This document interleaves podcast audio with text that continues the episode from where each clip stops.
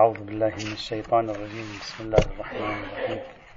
الحمد لله رب العالمين والصلاة والسلام على سيدنا ونبينا وحبيبنا محمد وعلى آله الطيبين الطاهرين.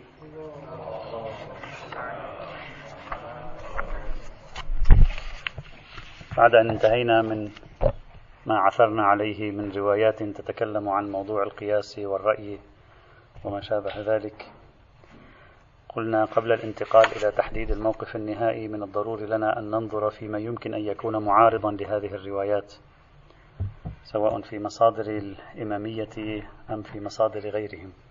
لنرى هل يوجد شيء يمكنه أن يقف في مقابل هذه المجموعة من الروايات التي مرت معنا أو لا. سأذكر بعض الروايات الموجودة تارة في مصادر أهل السنة وأخرى في مصادر الشيعية الإمامية أيضا وأخرى وثالثة في مصادر مشتركة أيضا. الرواية الأولى وهي أشهر الروايات في التنظير لمبدأ القياس والرأي. خبر معاذ بن جبل. الصحابي المعروف معاذ بن جبل له رواية تعد من أشهر الروايات التي يستند إليها أهل السنة على مستوى دليل الحديث لإثبات حجية القياس. هذه الرواية تقول أن رسول الله صلى الله عليه وعلى آله وسلم بعث معاذا إلى اليمن. ولما بعثه إلى اليمن جرى حوار قصير بين النبي وبين معاذ بن جبل آه، يتضمن خطة عمل معاذ بن جبل عندما يريد أن يقضي بين الناس. قال له النبي كيف تصنع إن عرض لك قضاء؟ إذا جاءك تنازع بين شخصين أنت ماذا تفعل؟ ما هي ماذا تعمل في هذا؟ قال أقضي بما في كتاب الله. أحكم بما جاء في كتاب الله تعالى. قال فإن لم يكن في كتاب الله. أي إذا ما كان موجود في كتاب الله هذا الشيء الذي تريد أن تحكم فيه. ماذا يمكن أن نفعل؟ قال فسنة رسول الله صلى الله عليه وعلى آله وسلم. يعني أنظر مثلا على ما جرت طريقة النبي. قال فإن لم يكن في سنة رسول الله. ما موجود؟ حتى في السنة ما موجود. ماذا تفعل؟ قال أجتهد رأيي لا آلو لا آلو يعني لا أقصر. يعني أبذل قصارى جهدي في أن أحصل على رأي لي في المسألة وأحكم على وفقه. وفي نسخة أخرى أو في مصدر آخر أجتهد برأيي لا آلو أجتهد برأيي لا آلو قال فضرب رسول الله صلى الله عليه وعلى آله وسلم صدري صدر معاذ. ثم قال الحمد لله الذي وفق رسول رسول الله صلى الله عليه وعلى آله وسلم لما يرضي رسول الله. يعني الحمد لله الذي الله وفق رسولي لما يرضيني. وهذا إقرار من النبي وإعلان أنه لا مانع إذا فقدنا دليلا من الكتاب والسنة أن نرجع إلى إعمال الرأي. وقالوا أن إعمال الرأي المرضي هنا لرسول الله صلى الله عليه وعلى آله وسلم ليس إلا القياس. فالقياس هو هو الرأي الرأي لا نعرف الرأي إلا القياس في هذا المجال. طبعا هذه الرواية أيضا ميزتها يجب أن نأخذ بعين الاعتبار ميزة لهذه الرواية أن معاذ بن جبل كان سيقضي برأيه في اليمن رغم أن النبي موجود في المدينة. يعني هذه فلتكن في بالنا لا النبي غائب أو غير موجود أو لا يمكن الوصول إليه. يمكن ولو في الجملة الوصول إليه ولو في مورد موردين. يمكن بالنهاية يوجد بين اليمن والمدينة ذهاب وإياب. ولو في بعض الوقائع يمكن مثلا أن يرسل إليه سؤالا أو ما شابه ذلك. مع ذلك أصلا النبي ما قال له شيء. قال الآن سيأتي سيأتي. ننشر نكد فبناء عليه هذا الخبر يدل على حجية مسلك الرأي. وفي عصر النص فما ظنك بما بعد عصر النص؟ هذا هو الذي يريده المستدلون هنا. طيب قبل أن نبدأ بالتحليل والمناقشة أول شيء لابد نحلل نحن ماذا نفهم من هذه الرواية. هم قالوا هذه الرواية تدل على القياس. هذه الرواية ليس فيها كلمة قياس وليس فيها حتى فكرة رائحة قياس. ليس في الرواية شيء تقلم هم لماذا قالوا القياس؟ لأن كلمة الرأي في القرن الثاني الهجري كانت مسكونة في أذهانهم على أنها مرادف القياس والاجتهاد. كلمة الرأي تنتمي إلى مدرسة الرأي في العراق ومدرسة الرأي في العراق يعني مدرسة القياس. فتصوروا أن المراد من الرأي في الرواية هو عبارة عن القياس. فاستنتجوا أن الرواية تعطي شرعية للقياس. هكذا استنتجوا لكن الرواية وأرسلوا ذلك إرسال المسلمات يعني كأنما بديهي أن المراد بالرأي هنا هو القياس. إلا أن الراجح بنظري والله العالم إذا أخذنا الدلالة اللغوية للكلمة وصرفنا المصطلح الذي ولد في القرن الثاني الهجري صرفنا النظر عنه. سنجد أن مراد معاذ بن جبل أبسط من فكرة القياس. يعني يقول لا أجد فيها حكما لله تعالى. لا يوجد لا في الكتاب شيء لا يوجد في السنة شيء. أنا أنظر ماذا أرى؟ أنا شو أرى مثلا الله الخير في أن أعطي فلانا كذا وفلانا كذا. الخير في أن يكون الأمر كذلك. هكذا. قياس لا يوجد. ممكن يكون القياس أحد وسائله. إلا أن الكلمة لا تتضمن موضوع القياس بحسب دلالتها اللغوية والرواية نبوية يعني الرواية لم ت... لم تكن بعد كلمة الرأي قد أخذت حمولتها الاصطلاحية في القرن الثاني الهجري مع مدرسة الأحناف في العراق. فنأخذ الدلالة اللغوية للكلمة ونقول معاذ لما لا يجد شيئا في الكتاب والسنة هو ينظر في القضية يعطي رأيه هو. كأنه لا يوجد شرع. هو أنا رأيي مثلا أن المالك يأخذ كذا رأيي أن الأجير يأخذ كذا رأيي أنه هذا رأيي. هكذا أنا أرى الخير والصلاح. فتكون الرواية أقرب إلى مصالح المرسلة فيما لا نص فيه. أقرب إلى نظرية المصالح المرسلة منها إلى نظرية القياس. رغم أنهم تقريبا كانوا دائما يضعون مقاربة بين هذه الرواية وبين نظرية القياس. لكن في تقديري لا يوجد أي شيء واضح يربط هذه الرواية بالقياس فيعلن شرعية القياس من خلالها لا شرعية قياس الشبه ولا شرعية قياس العلة. وإن كان لا تنفي لكنها ليست واضحة في أن نظرها إلى شيء من ذلك. أيضا من الواضح بناء عليه أن هذه الرواية لو سلمنا بها وقبلناها بصرف النظر عما سيأتي بعد قليل أقصى ما هنالك تعارض الفرضية الرابعة من الفرضيات الخمس التي طرحناها للقياس اللي هي عبارة عن إعمال الرأي الشخصي فيما يراه الإنسان صلاحا وخيرا في مورد لا نص فيه. أما هذه الرواية لا تتكلم عن الزهد بالحديث الفرضية الخامسة لأنه النبي يقول له لا يوجد في الكتاب لا يوجد. يقول له فإن لم يكن في الكتاب لم يقل له فإن لم تجد في الكتاب أصلا. يقول فإن لم يكن في الكتاب ثم يقول له فإن لم يكن في السنة. فإذا لا يوجد أي مؤشر على الفرضية الخامسة لا يوجد مؤشر على قياس الشبه لا يوجد مؤشر على قياس ولا يوجد مؤشر أيضا على الفرضية الثالثة اللي هي إعمال النظر في مقابل النص. لأن مفروض المسألة هو عدم وجود النص بل عدم وجود الحكم ليس فقط عدم وجود النص. فإذا هذه الرواية إذا أردنا أن نفهمها لا علاقة لها بالفرضيات الثلاث الأولى ولا علاقة لها بالفرضية الخامسة نظرها إلى الفرضية الرابعة وهو أن يقدر الفقيه الأمور بنفسه فيما يراه من خير وصلاح ويجري حكمه على وفق ما يراه. غير مستند إلى كتاب ولا إلى سنة بحسب دلالة هنا أو دلالة هناك.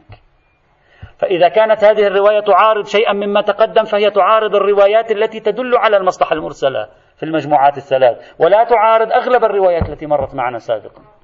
حتى نحدد مركز التعارض. الروايات التي مرت معنا سابقا أغلبيتها الساحقة كانت تتكلم إما عن الفرضية الثالثة أو عن الفرضية الخامسة كما قلنا وقليلا ما تكلمت عن الفرضية الثانية أيضا. نادرا ما وجدنا رواية ظاهرة في الفرضية الرابعة اللي هي مورد جريان مثل المصالح المرسلة. فإذا هذه الرواية تعارض شيء تعارض فقط الروايتين ثلاثة الموجودة في المجموعات السابقة ولا يمكن بها هد أو إضعاف نصوص النهي عن القياس الواردة في المجموعات السابقة التي مرت معنا كما هو واضح. إلا في بعض الروايات مثلا. يمكن أربع خمس روايات ست روايات. لا أذكر الآن كم رواية كانت لكنها قليلة. بل توجد خاصية أخرى في هذه الرواية ونحن نحللها طبقا للحوار الذي جرى بين النبي وهو أنها لا تتكلم عن عدم وصول النص إلينا كما قلت. إنما تتكلم عن عدم وجود الحكم. وهذه نقطة مهمة الآن بعد قليل سوف تنفعنا. فهي تشرع اجتهاد الرأي فيما لا حكم فيه. ولا تتكلم عن اجتهاد الرأي فيما لا نص فيه ولكن يوجد فيه حكم. ما تتكلم. حسب الحوار الذي جرى بين النبي وبين معاذ تتكلم عن اجتهاد الرأي فيما لا نص فيه فيما لا حكم فيه لا عن اجتهاد الرأي فيما لا نص فيه. فهذه الرواية من يقول بشمول الشريعة ويقول في كل واقعة حكم تكاد تكون أمرها مشكل جدا إعمالها اليوم. إلا بإلغاء خصوصية عدم الحكم وإسرائها لعدم النص وكأنه يعني بحكم عدم الحكم. وإلا مشكل أمرها نعم من يقول بعدم شمول الشريعة هذه الرواية تنفعه. لأن معنى عدم شمول الشريعة أن بعض الموارد لا أحكام لله في هذه الرواية تحدد له ما الذي يجب على الفقيه أن يفعله عندما لا يكون لله حكم. أن أن يرى هو برأيه وينظر هو ما يشخصه من المصالح والمفاسد ومن صلاح الناس وما شابه ذلك. هذه النقطة أيضا مهمة يجب أن نركز عليها وهذا ينفعنا أين؟ ينفع القائلين بعدم شمول الشريعة في تفسيرنا للمصلحة المرسلة. إحنا في العام الماضي فسرنا المصلحة المرسلة. قلنا المصلحة المرسلة على مبانينا لا تشبه المصلحة المرسلة على مباني أهل السنة. المصلحة المرسلة على مباني أهل السنة طريق لاكتشاف الأحكام الشرعية. المصلحة المرسلة بالمفهوم الذي نحن طرحناه ليست طريقا لاكتشاف الأحكام الشرعية. بل هي طريق لتشخيص قوانين بشرية مجعولة للبشر بهدف تحقيق الصالح العام. لا أكثر ولا أقل ولا تنتسب إلى الله تعالى. هذه الرواية تنفع في الموضوع. هذه الرواية تنفع لمصلحة المصلحة المرسلة بالتفسير المبني على عدم شمول الشريعة الذي طرحناه في العام الماضي ولكنها لا تنفع إلا بإلغاء الخصوصية كما قلت الآخرين. نعم. إذا هذه الرواية الذي أريده من التحليل هذه الرواية لا تنهى عن قياس العلة لا قياس الشبه لا تنهى عن الفرضية الثالثة ولا الخامسة. لكن وردت هذه الرواية بمصدر آخر مرسلة وليس في المصادر الحديثية هذا النص الذي سأقرأه الآن وإنما هو موجود في بعض المصادر الأصولية. في هذا النص نعم الرواية ترتبط بالقياس. لكن في النص الأساسي الموجود في الكتب الحديثية عند أهل السنة النص كما قرأناه قبل قليل لا علاقة له بالقياس. ماذا يقول هذا النص؟ يقول موسى بن عبيدة عن عبد الله بن عتبة أن رسول الله قال لمعاذ وأبي موسى أبي موسى الأشعري حين بعثهما إلى اليمن كيف تقضيان بين الناس؟ قالا بكتاب الله. قال فإن أتاكما ما ليس في كتاب الله. قالا بالسنة. قال فإن أتاكما ما ليس في السنة. قالا نقيس الأمر بالأمر. آه هذه الرواية مربوطة واضح بالقياس. نقيس شيئا على شيء. نقيس هذا بهذا نحكم على هذا بهذا نقيس الأمر بالأمر فأيهما كان أقرب إلى الحق؟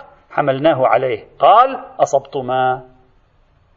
هذه الرواية بهذه الصيغة نعم يمكن أن نقول بأنها تنفع الأصولي السني الذي يستدل بخبر معاذ على إثبات حجية القياس. أما بالصيغة الأولى وهي الصيغة المشهورة الأساسية فهذا الخبر لا ينفع في باب حجية القياس في شيء حتى لو سلمنا صدوره. هذه لم تأتي إلا في الكتب الأصولية. مثلا ذكرها الجصاص أحد علماء الأحناف في كتابه الفصول في الأصول. ذكرها الفخر الرازي في كتاب المحصول. لم أعثر عليها ولم أجد أحدا عثر عليها أو نسبها إلى مصدر حديثي عند أهل السنة. وعادة لا تذكر عادة الكتب الأصولية لا تذكر السند. عادة يعني الكتب الأصولية لا تذكر الأسانيد عندما تأتي بروايات. لا هو نفسه معاذ وأبي موسى. هذه يقول اثنين كانوا. أما التي قبلها فتقول لما أرسل معاذ بن جبل. أما هنا يبدو معاذ بن جبل مع أبي موسى الأشعري معا أرسلا. هذه هي الرواية الأصلية العمدة الأشهر في هذا المجال. حللناها قلنا نسبتها إلى ما تقدم لا تكاد تضر كثيرا لأنها تعارض فقط نسبة قليلة من الروايات المتقدمة وليس النسبة الأغلب من الروايات المتقدمة. الآن سنحلل هذه الرواية. هل يمكن الأخذ بهذه الرواية أم أن هذه الرواية المشهورة تعاني من مشاكل؟ أولا. الموضوع السندي. هل هذه الرواية صحيحة غير صحيحة؟ وفق قواعد علم الحديث معتبرة غير معتبرة؟ سنيا وشيعيا. أول شيء نبحث على المستوى السني ثم نرى على المستوى الشيعي ما هو الموقف من هذه الرواية. أما على المستوى السني هذه الرواية وردت في جميع المصادر مرسلة. لأنها تروى عن شخص أو عن شخص من أهل حمص. عن أصحاب معاذ أو عن بعض أصحاب معاذ. هكذا سندها عن ناس عن أهل حمص عن معاذ. وفي سند آخر عن ناس أو عن فلان عن أصحاب معاذ عن معاذ. ففي كل المصادر التي نقلت فيها هذه الرواية نقلت هذه الرواية بالصيغة التي قرأناها الأولى مرسلة. ولذلك العظيم آبادي أحد كبار علماء أهل السنة في كتابه عون المعبود والعظيم آبادي يرفض هذا الحديث. ينقل عن الجوزقاني في الكتاب الموضوعات يقول إن هذا الحديث باطل وضعيف. أيضا مش بس مرسل باطل ضعيف. لماذا؟ بالحارث بن عمرو. ورد في سند هذا الحديث شخص اسمه الحارث بن عمرو. والحق معه فإن الحارث بن عمرو لم يوثق. لم يوثقوا الحارث بن عمر. ابن حزم الأندلسي صرح بأن الحارث بن عمر مجهول. لكن لا نكاد نعرف اسم هذا الشخص. لكاد يكون اسم هذا الشخص ليس موجودا إلا في سند هذه الرواية. فيقول رجل في غاية النكارة لا نعرفه كيف يمكن أن نأخذ بحديثه في قضية من أخطر القضايا في مسألة أصولية يبنى عليها الاجتهاد؟ كيف يمكن ذلك؟ غير معقول. أيضا بمراجعة المصادر الشيعية لم نجد توثيقا لهذا الرجل إطلاقا. بل حتى البخاري في كتابه التاريخ الصغير وفي كتابه التاريخ الكبير. عنده كتابين. تاريخ ليس التاريخ. التاريخ ليس التاريخ معنى علم التاريخ. كتب الرجال قديما كان يعبر عنها بالتاريخ بحثنا هذا الموضوع في محله في كتابه التاريخ الصغير وفي كتابه التاريخ الكبير يقول هذا الرجل لا يعرف إلا بهذا الحديث ولا يصح. هذا كلام البخاري أيضا. هذا الحارث بن عمرو الواقع في سند هذا الحديث. أيضا العقيلي في كتاب الضعفاء أيضا ضعف الحارث بن عمرو. لم أجد أحدا وثقه إلا ابن, حب ابن حبان أو ابن حبان البستي معروف من كبار علماء أهل السنة هو متهم بأنه متساهل في التوثيق. يعني ما يكاد يسلم أحد من توثيقه. دائما يعطي شهادات جامعية لمن يفهم ولمن لا يفهم. كل الناس تقريبا موثقون عنده. وإن كان عنده كتاب ضعفاء أيضا. لكن كثير ممن كتبهم في الضعفاء أيضا موجودون في كتابه الثقات كتاب الثقات كتاب كبير كتاب ابن حبان البوستي وهو شخصية آه، معروفة في هذا المجال. الثالث رابع هؤلاء. لا ليس معاصر قديم. لا الثالث رابع. آه ثالث رابع. لن نسيت. كتبت عنه عن اتهامه بأنه آه متساهل في أمر الحديث بعضهم يتهمه لأنه كثيرا ما يوثق أشخاص أجمعوا على تضعيفهم. فقالوا هو متسامح في أمر الحديث. طبعا له قصة معروفة سبق أن نقلتها هنا أعتقد.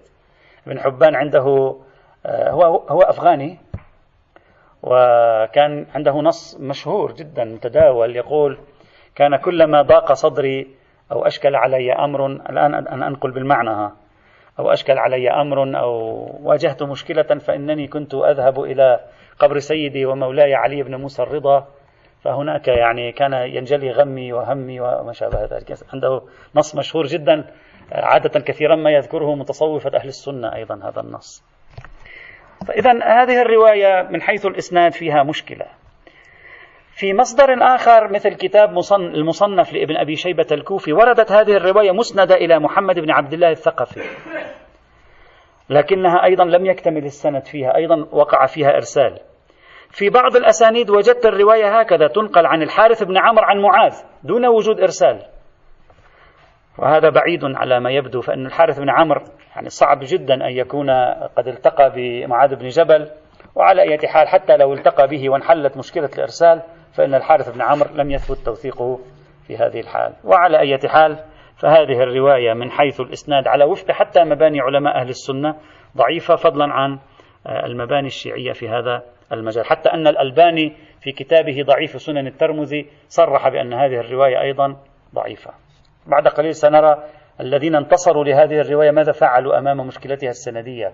كيف حاولوا أن يسعفوها ويقووا من أمرها؟ هذا سنيا. أما شيعيا.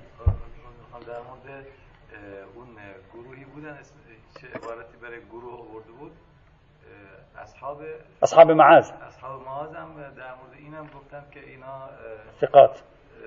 نه معلوم نیستن کی هستن چون از اصحاب نیستن بله أنا سنتكلم عن موضوع أصحاب الجصاص حاول أن يتكلم عن موضوع ما المراد من كلمة أصحاب معاذ. الآن سنتكلم.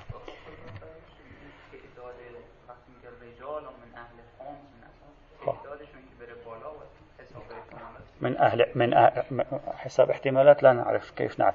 من هم هؤلاء الرجال؟ من إذا قال مثلا الآن رجال من من طهران يعني هذا يعني أنه لابد أن يكونوا ثقات. لا نعرف من هم أصلا. ليس عندنا أي مؤشر عن معلومات عنهم. من هم؟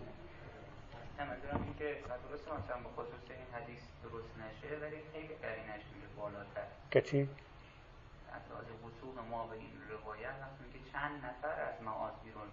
بله إذا صرفنا النظر عن الحارث بن عمرو تتكلم الآن. نعم هذا هؤلاء الجروه من هم؟ لا نعرف عنهم شيئا. حتى لو سمع من أربعة خمسة. قد يكون أربعة خمسة. كيف؟ ليسوا محصورين في دائرة معينة. احتمال اجتماع خمسة غير ثقات فيها مستحيل. يعني لم يقل مثلا خمسة من مشايخ ابن أبي عمر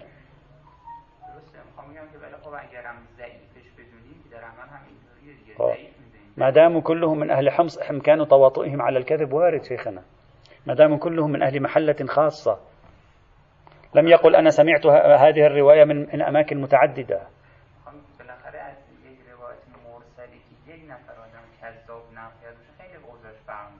ليس مانع. أنا أتكلم عن صحتها يعني عن كونها موثوق بصدورها أو صحيحة سندا من الاعتبار لا أقول هي أسوأ من رواية مرسلة فيها راوي الناقل تلك أسوأ وهذه أقل سوءا لكن هذا لا يعني أنها صحيحة. نحن الآن نتكلم عن هذه لوحدها فيما بعد نضم الروايات إلى بعضها. أما على المستوى الشيعي هذه الرواية قد يتصور أنها دخلت إلى الكتب الشيعية متأخرا مع الشهيد الأول كما ينقل الشيخ الأحسائي في كتبه. إلا أن الصحيح أن هذه الرواية وجدناها في كتاب الخلاف للشيخ الطوسي.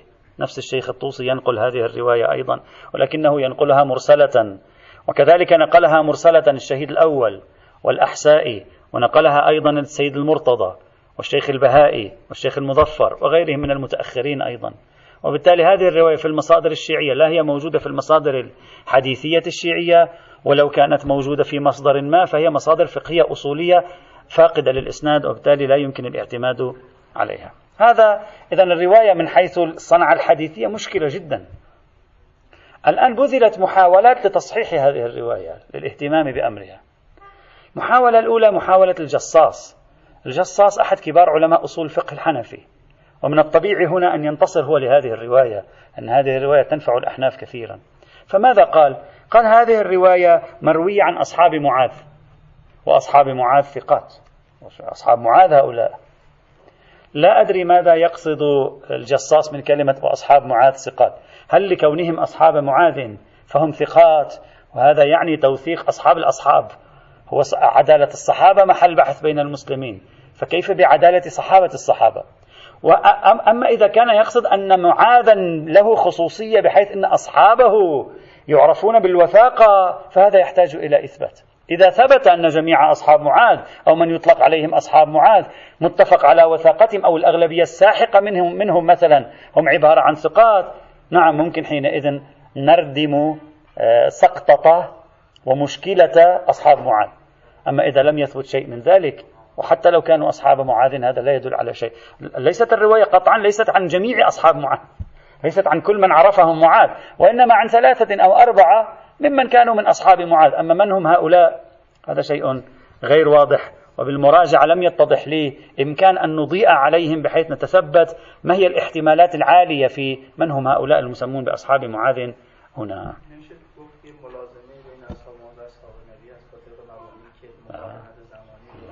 لا لا. لا حتى أهل السنة لو كان كذلك للزم أن نقول بعدالة ووثاقة أصحاب الصحابة يعني جميع التابعين. وهذا لا أعرف أحدا من أهل السنة يقوله فضلا عن الشيعة. لا توجد أي ملازمة. الصحابة عند أهل السنة وثقوا بنصوص قرآنية متعلقة بهم. ليس بنصوص قرآنية أو حديثية متعلقة بمن بعدهم.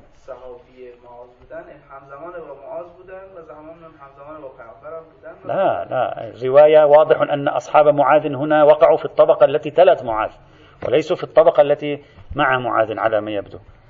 وإلا كان عبر بعبارة أفضل من هذه عن, عن بعض أصحاب النبي عن معاذ.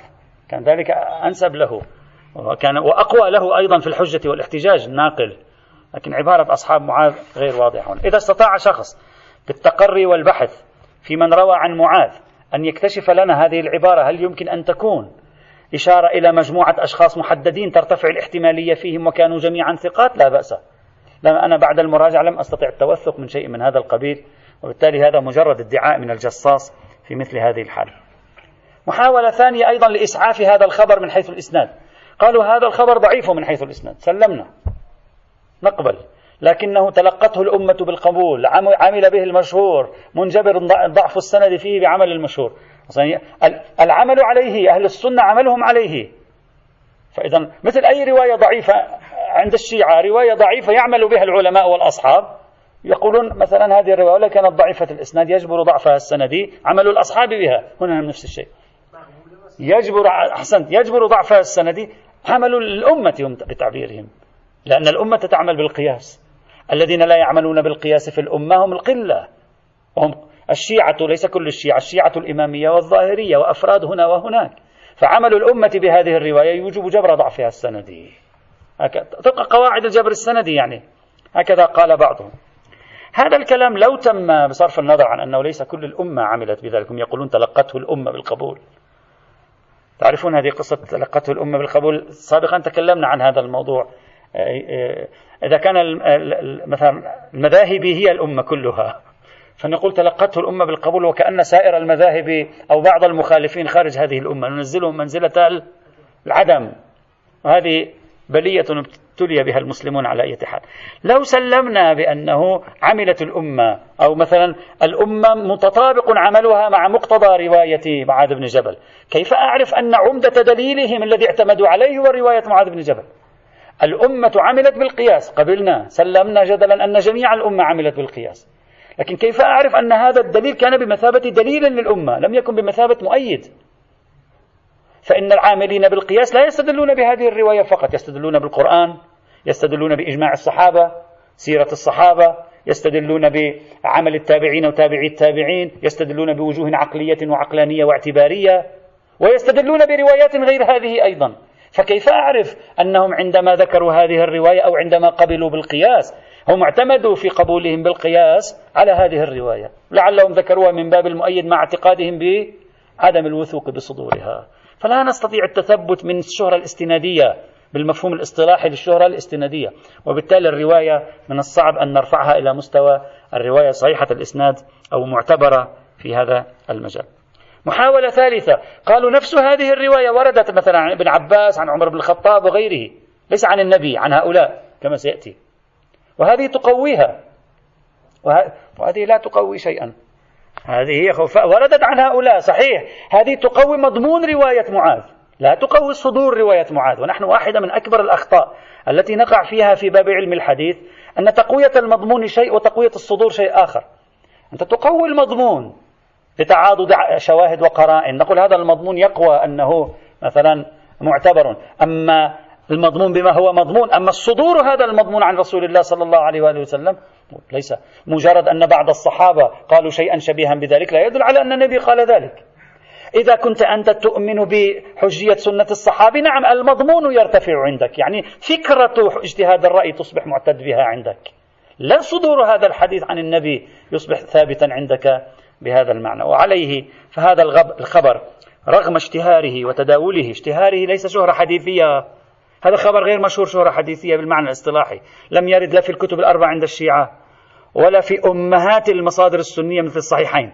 نعم ورد في سنن الترمذي وغيره ورد لكن لم يرد في الصحيحين هذا الخبر. فليلتفت إلى هذا الخبر فرغم اشتهاره لا يمكن الاعتماد عليه منفردا. نعم نضعه إلى جانب غيره لنرى هل المجموع سينفعنا أو لن ينفعنا. أضف إلى ذلك أن هناك رواية نقلها لنا فقط ابن ماجه ابن ماجه القزويني نقل لنا رواية هو بنفسه تفرد بها. نفس القصة ينقلها بطريقة أخرى. قال بالسند إلى عبد الرحمن بن غنم أو غن. قال حدثنا معاذ بن جبل. قال لما بعثني رسول الله صلى الله عليه وعلى آله وسلم إلى اليمن قال لا تقضين ولا تفصلن إلا بما تعلم.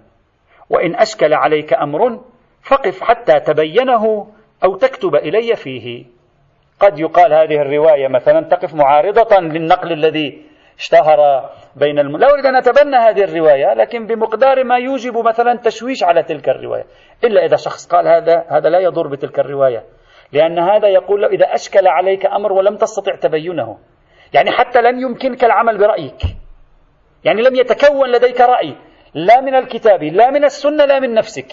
هنا ارجع إلي أو تريث. فلا تكون هذه الرواية في الحقيقة معارضة للرواية السابقة.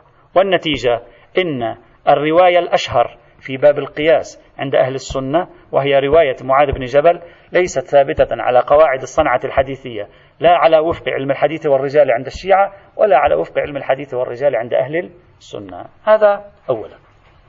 طبعا آه الآن هذا لوحدها فيما بعد نضمها إلى غيرها نرى هل تعطي شيئا أو لا. ثانيا محاولة سأضع هذا العنوان. محاولة الفيض الكاشاني نقد رواية معاذ بن جبل. الفيض الكاشاني قال هذه الرواية باطلة. طبعا وبعد ذلك أخذ كثيرون عن الفيض الكاشاني أيضا. وثمة إشارة إلى هذه المحاولة في كتابات من قبل الفيض الكاشاني. إشارة الفيض الكاشاني قال إذا كان صحيحا هذه الرواية معنى ذلك أن هناك أشياء لا يوجد لا توجد لا في الكتاب ولا في السنة. هكذا معنى. أن النبي يقول له فإن لم يكن في كتاب ما قال له فإن لم تجد. قال له فإن لم يكن في كتاب الله قال أعمل بالسنة. قال فإن لم يكن في السنة. يعني هذا معناه أن الكتاب والسنة ليسا مكتملين. وهذا يعارض كمال الدين وكمال الشريعة. فحيث إن هذه الرواية تعارض مبدأ كمال الدين وكمال الشريعة واستيعاب الكتاب والسنة لكل صغيرة وكبيرة هذه الرواية نضعها جانبا. هذا إشكال الفيض الكاشاني في هذا. بل أكثر قال الفيض الكاشاني. على طريقة المتكلمين طريقة المتكلمين الجدلية. هكذا قال. قال بل أكثر من ذلك نقول. هو الرسول لما كان لا يستطيع أن لا يجد وحيا كان ينتظر. شو معاذ لا ينتظر؟ غريب هذا. هو النبي النبي عندما لا يكون بين يديه كتاب أو سنة لا ليس عنده وحي كان يقول لم ينزل علي في ذلك وحي اصبروا. فينتظر الواحد حتى ينزل الله تبارك وتعالى عليه بالوحي. ثم يقول للناس ما نزل عليه من الوحي. هو الرسول لم يكن مخولا على ما يبدو آه، أن يقول حيث لا يوجد وحي. عجيب كيف معاذ يكون مخولا أن يقول حيث لا يوجد وحي؟ لا. لا يريد أن يقول صار وضع النبي والعياذ بالله. أسوأ حالا من معاذ. صار وضع معاذ أفضل من وضع النبي. معاذ إذا ليس هناك كتاب أو سنة يعمل برأيه. النبي إذا ليس هناك كتاب وسنة لا يجوز له العمل برأيه. أفهل كان رأي رسول الله أضعف من رأي معاذ؟ غير منطقي. هذا إشكال في الكشان نعم لا يقول باجتهاد النبي أيضا. بل أكثر من ذلك قال الفيض الكشاني قال يلزم من ذلك أن معاذ إذا صدر حكما برأيه النبي يجب عليه أن يطيعه. بينما النبي لا يمكن أن يعطي رأيه فمعاذ لا يجب عليه أن يطيعه. لأن حكمه حكم قاضي يقضي برأيه والقضاء بات نافذ. فعلى جميع الناس أن تعمل بمقتضى قضاء القاضي. فيجب على النبي أن يعمل بمقتضى قضاء معاذ الذي انبنى على رأي معاذ بينما هو نفس النبي لا يمكن أن يقضي بقضاء مثل ذلك ولا يمكن أن يفعل بشيء مثل ذلك وعليه أن ينتظر الوحي. صار وضع معاذ بن جبل متقدما على وضع رسول الله صلى الله عليه وعلى آله وسلم. هذا حاصل إشكال الفيض الكشاني الذي ذكره في كتابه الأصول الأصيلة. لكن الذي يبدو لي أن هذه يمكن النقاش فيما طرحه رحمه الله تعالى. وذلك أولا هذه الرواية صدرت قبل اكتمال الدين. لا تنافي مبدأ اكتمال الدين. هذه الرواية صدرت قبل أن يكتمل الدين. معاذ لما أرسل إلى اليمن لم تكن آخر آية قد نزلت. أي مانع أن يكون هناك شيء لا وجود له لا في الكتاب ولا في السنة بعد لأن الكتاب والسنة لم يكتملا بعد. شو المشكلة في هذه الدعوة؟ هذه لا يعني نقدا متنيا على هذه الرواية. نعم. هذا ماذا يعني؟ هذا يعني نحن اليوم لا يمكننا أن نستفيد من هذه الرواية. لماذا؟ لأن هذه الرواية موضوعها عدم اكتمال الدين والمفروض أن الموضوع قد ارتفع. الموضوع هو اكتمال الدين الآن. كان يجوز لمعاذ بن جبل أن يعمل برأيه حيث لم يكن الدين مكتملا. أما هذا لا يدل على أننا نحن لا يجوز لنا العمل برأينا والدين مكتمل. هذا إشكال صحيح. لكن لم يذكره الفيض الكاشاني. وأما إشكاله أن الرواية ضد مبدأ اكتمال الدين فغير صحيح. الرواية ما زال الدين ينزل. في زمن معاذ لم يكن الدين قد اكتمل. بعدين قالت الآية اليوم أكملت لكم دينكم. فإذا هذا الإشكال الأول الذي ذكره رحمه الله غير إلا إذا يعني بتأول. هذا واحد. أما أن قضية انتظار الوحي وعدم انتظار الوحي هذا صحيح. لكن بلي تفضل.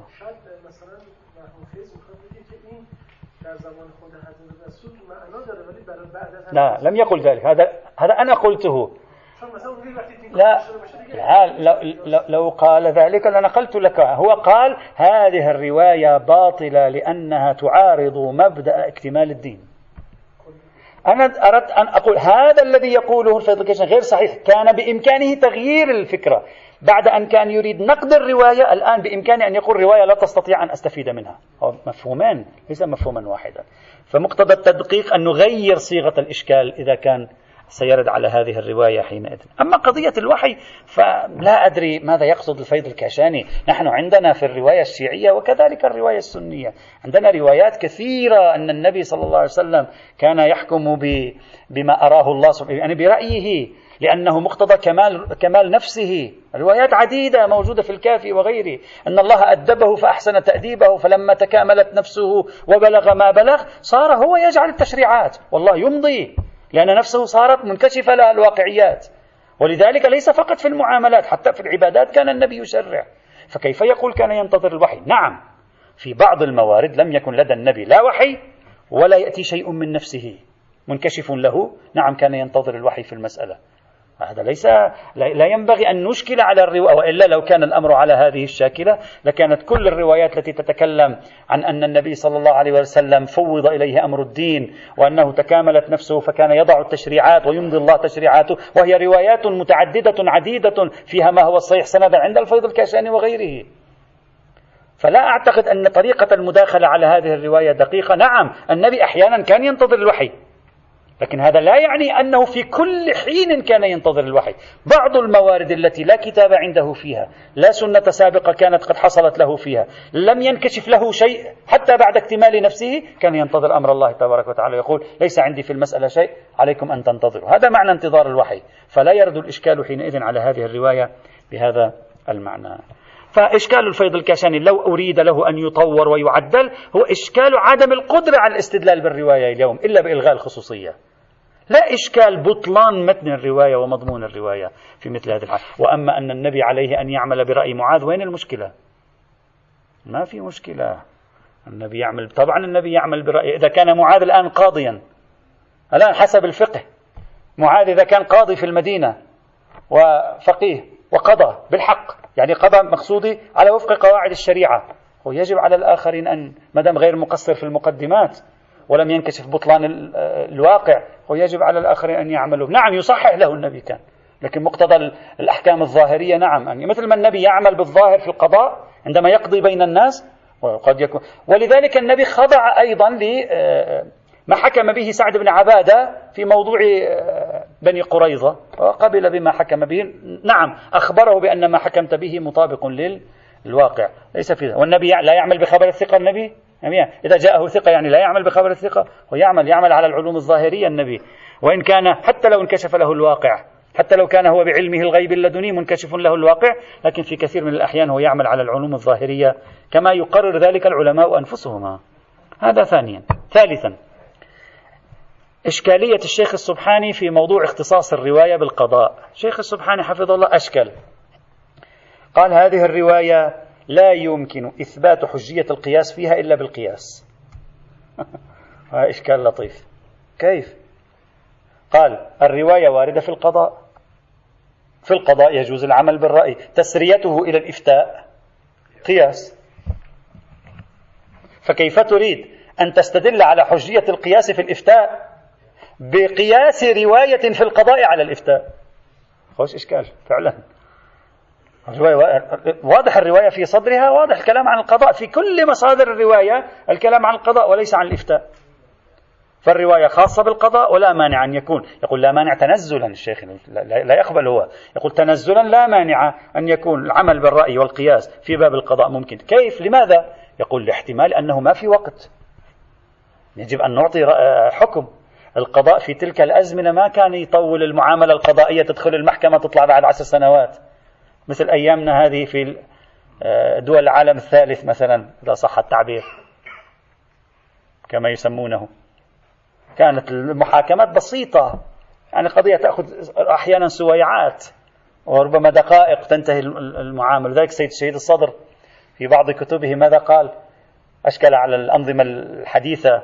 يقول لو كانت الحكومة الإسلامية تحكم نحن ما عندنا هذا القضاء الذي أنتم مبتلون به وهو تدخل المعاملة وتعال جيب لي دليل ونؤجل جلسة المحكمة إلى 12 الشهر بعد سنتين وتبقى المعاملة في الدرج آه، مثلا سنة وسنتين وعشر سنوات. الفقيه مباشرة عندك بينة؟ لا ما عندي. اقسم يلا أنت المنكر عليك بالحلف حلف حلف ما حلف رد اليمين على صاحب البينة. احلف حلف خلصت المعاملة. شغلة دقيقتين. ما تأخذ شيء معاملة القضائية.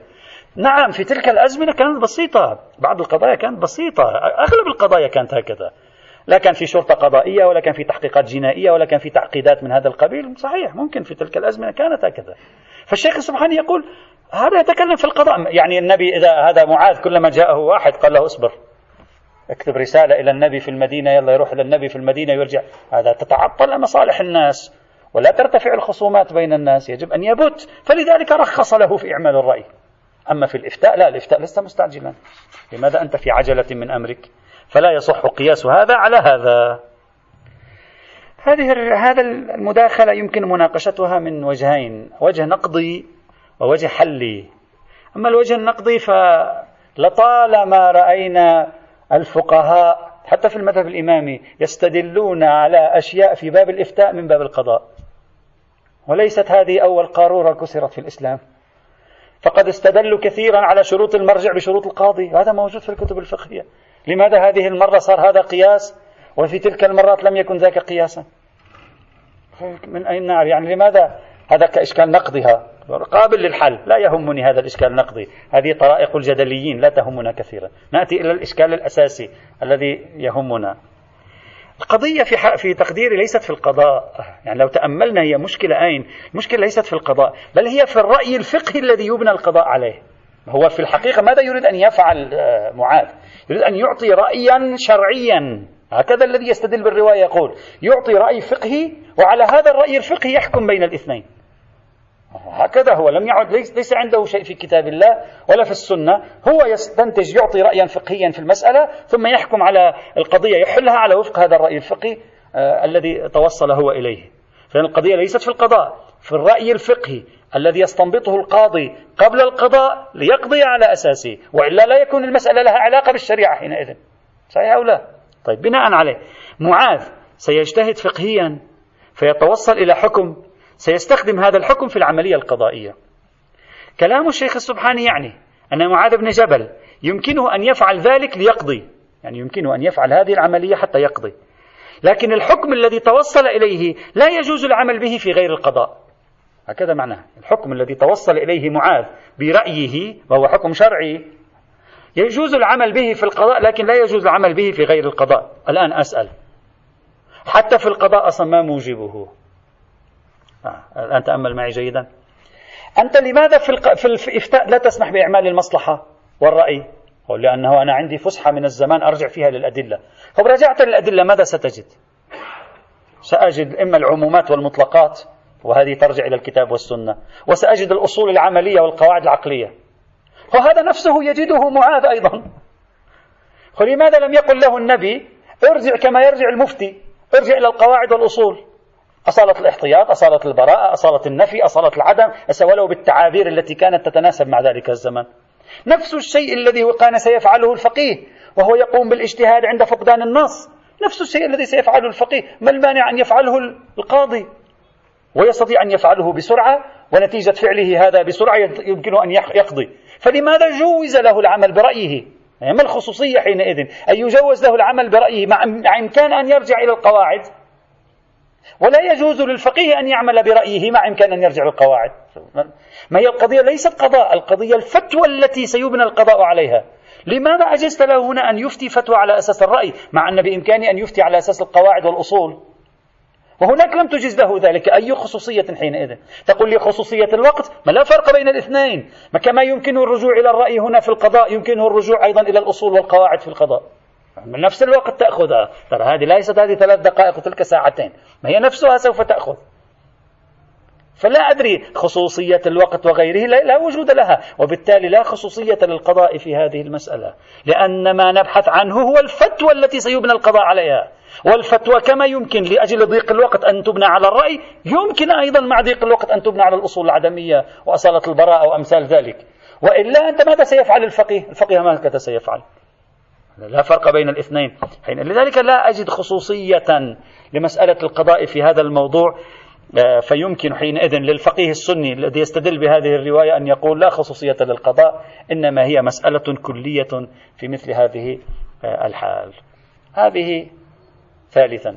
إذا صار عندنا المشكلة السندية محكمة المشكلة الثانية التي أثارها الفيض الكاشاني المشكلة الثالثة التي أثارها الشيخ السبحاني ممكن المشكلة الثانية والثالثة قابلة للنظر. رابعا الإشكالية التي أثارها السيد المرتضى وتبعه آخرون عليها.